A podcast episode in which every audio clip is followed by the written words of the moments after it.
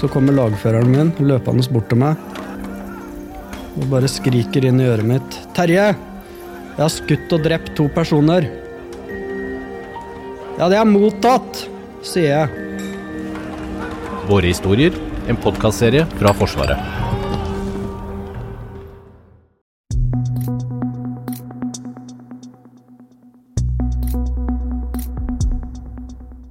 Ukraina har tatt tilbake kontrollen over Kherson sør i landet.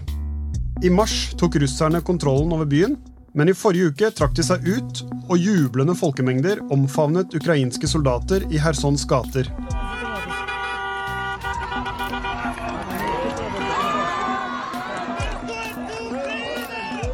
Nå har russerne rømt over til den andre siden av elva Dnipro, som deler Ukraina i to. Hvordan skal vi forstå den russiske tilbaketrekningen? Og hvorfor er elva Nipro så viktig i krigen? Du hører på Forsvarspodden. Jeg heter Fredrik Tandberg. Oberstløytnant Palle Ydstebø, du er hovedlærer ved seksjonen for landmakt ved Krigsskolen. Kan ikke du først forklare hva er det som har skjedd den siste uken i og rundt Kherson? Russerne har uh, i et skvis. Fordi at hvis de ble stående, så ville forsyningssituasjonen og det kontinuerlige presset på dem, som tvang de til å forbruke uh, både arteriemunisjon og, og, drivstoff, uh, svekka de såpass at de ikke ville være i stand til å, å yte noe effektiv motstand etter hvert. Andre alternativ da var også å trekke ut for å berge styrkene. Og Det er jo det siste da russerne uh, valgte å gjøre, men etter ganske lang tid. sånn at det de trakk ut, de hadde tatt en god del tap og var ganske nedslitne. Hvordan skal vi forstå den russiske tilbaketrekningen? Hva, hva skjer videre nå? Ja det, er, ja, det er ikke slett å si. Jeg regner med at Ukraina vil holde trykket oppe. For for sin del så, så, så, forsvant nå mulighetene til å kjøre en offensiv videre mot Odessa, som har vært et sånt stort uttalt mål, som vil ha isolert Ukraina fullstendig sjøveien ifra omverdenen. Og det er jo en, en, svært viktig by i Ukraina som sådan. Og de vil heller ikke være i stand til å true de vestre, sentrale delene av, eh, av, Ukraina. For nå har du da den her Dnipro-elva, halv kilometer eller bredere, som, som skiller de to partene.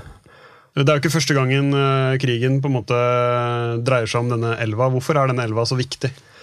Ja, elva er, er viktig. Den, den, deler i praksis Ukraina i to. Uh, og det er en ganske stor elv, som historisk sett har egentlig delt denne delen av Øst-Europa, Russland, i to, militært sett.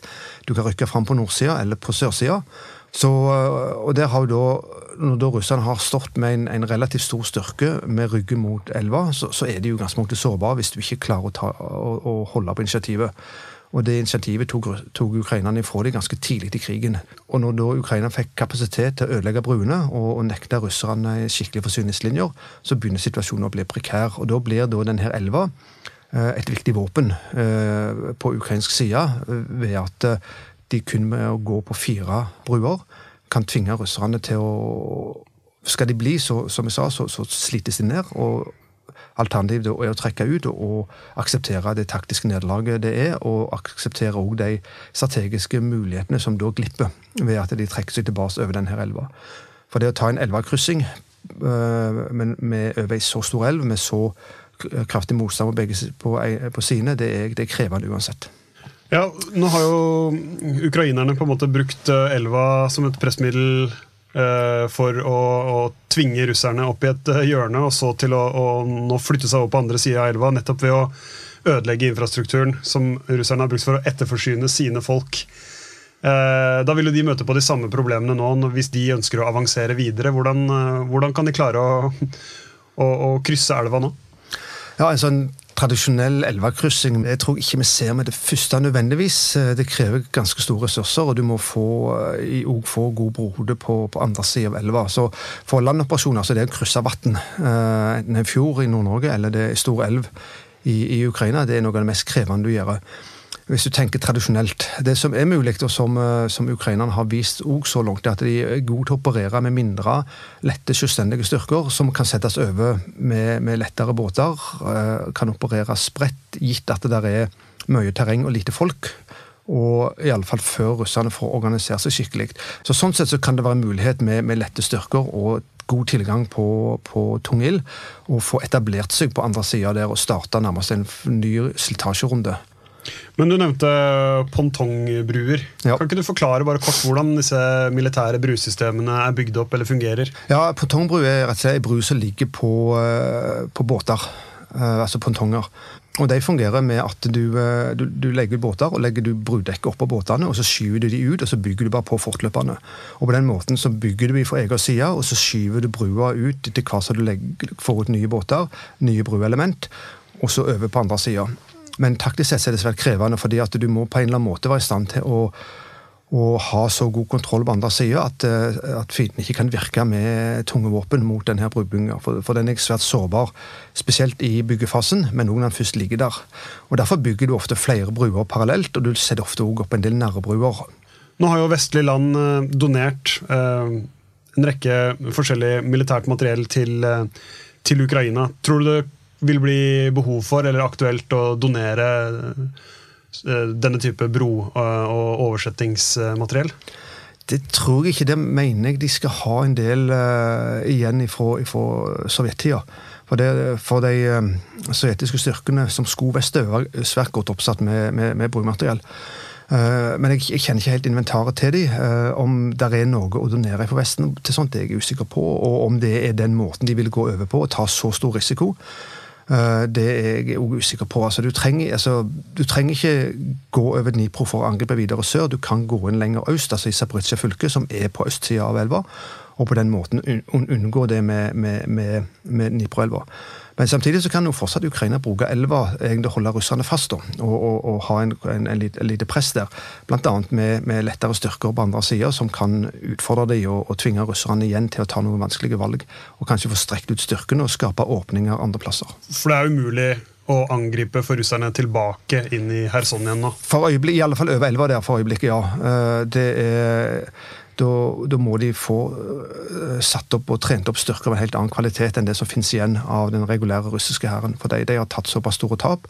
Og de nymobiliserte, eller tvangsmobiliserte da, soldatene som de nå har, har hentet de siste månedene, de har ikke den standarden i det hele tatt ennå. Og det vil ta måneder og ja, kanskje år før du får eh, bygd opp eh, nye styrker, hvis du i det hele tatt klarer det, gitt de store taper på offiserer og befal som også russerne har hatt.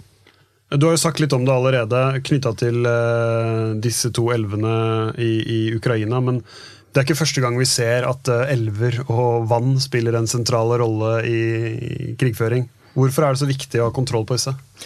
Altså, de, er, de, tvinger, de tvinger en offensiv spesielt da, til, å, til å stanse opp eh, og bruke ganske store ressurser på å få bygd nye bruer. Hvis det er alle bruene er ødelagt, og komme seg over på en måte.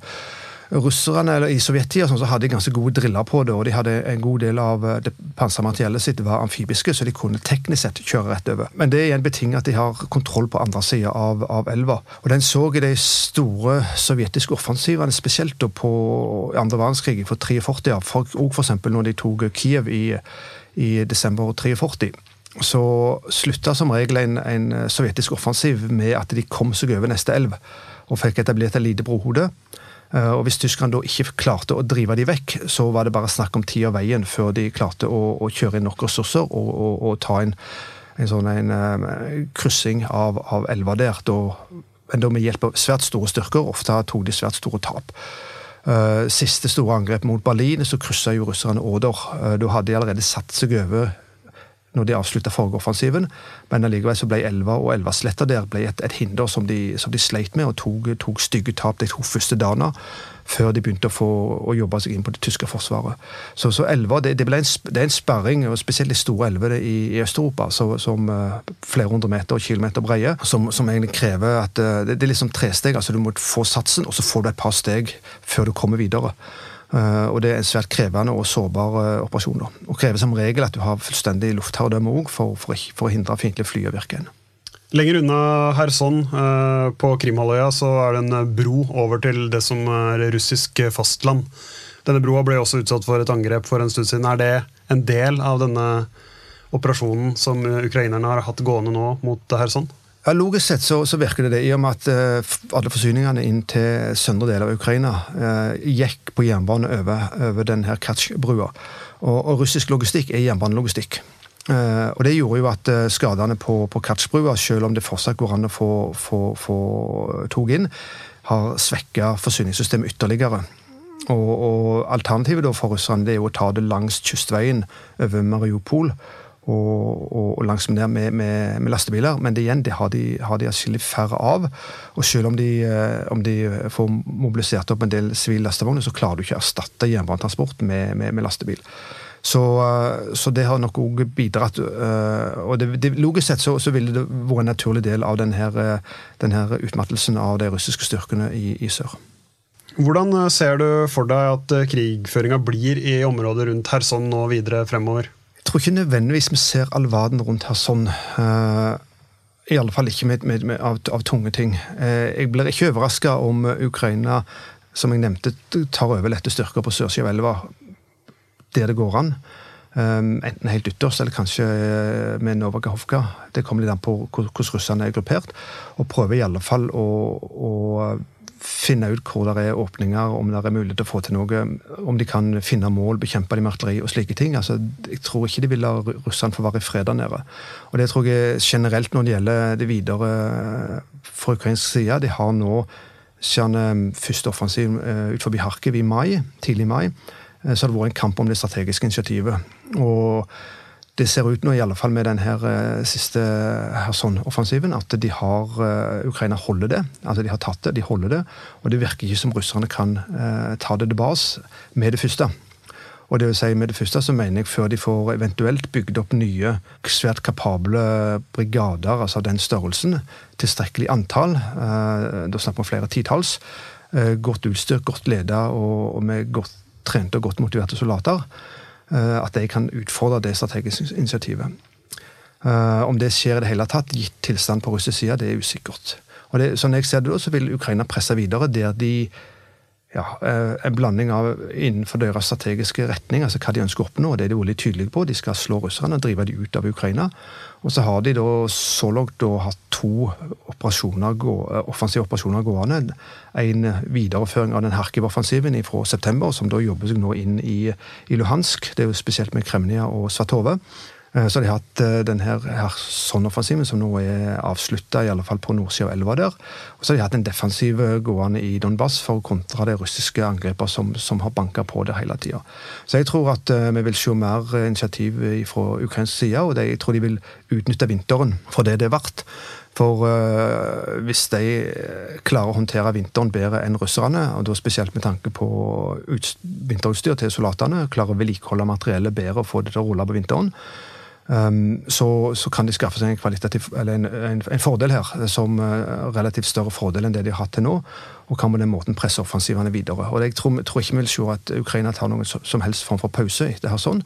De vil bare flytte uh, kraftsamlingen andre plasser.